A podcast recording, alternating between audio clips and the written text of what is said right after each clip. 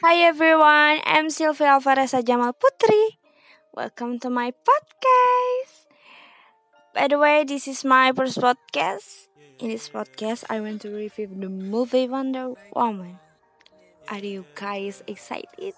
Oh my god, I'm so excited because this film is so wow, cool.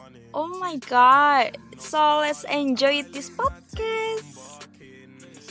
Yeah, the film directed by Patty Jenkins tell of the adventures of Diana aka Wonder Woman who got into conflict with the Soviet Union during the Cold War in the 80s.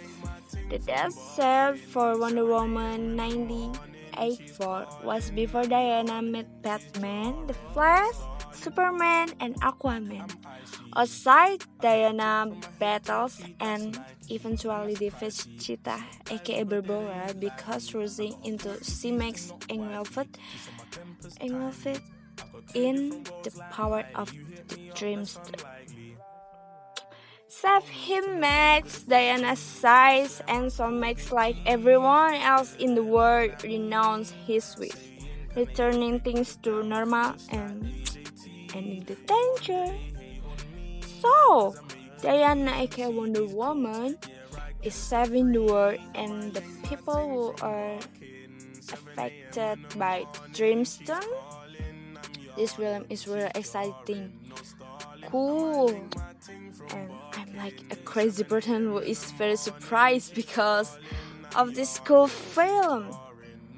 Lots of action, yes, but this film is lots of action and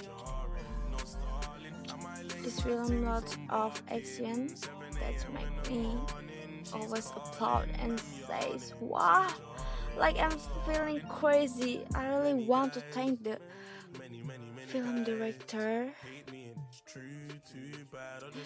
for cheating a film as good as this. Wow, I want to cry because the film is really cool.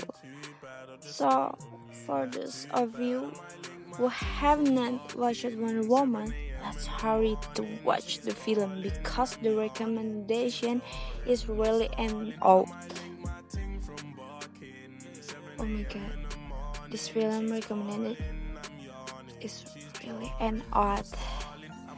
Hurry up and watch the film because the film is also over two hour long.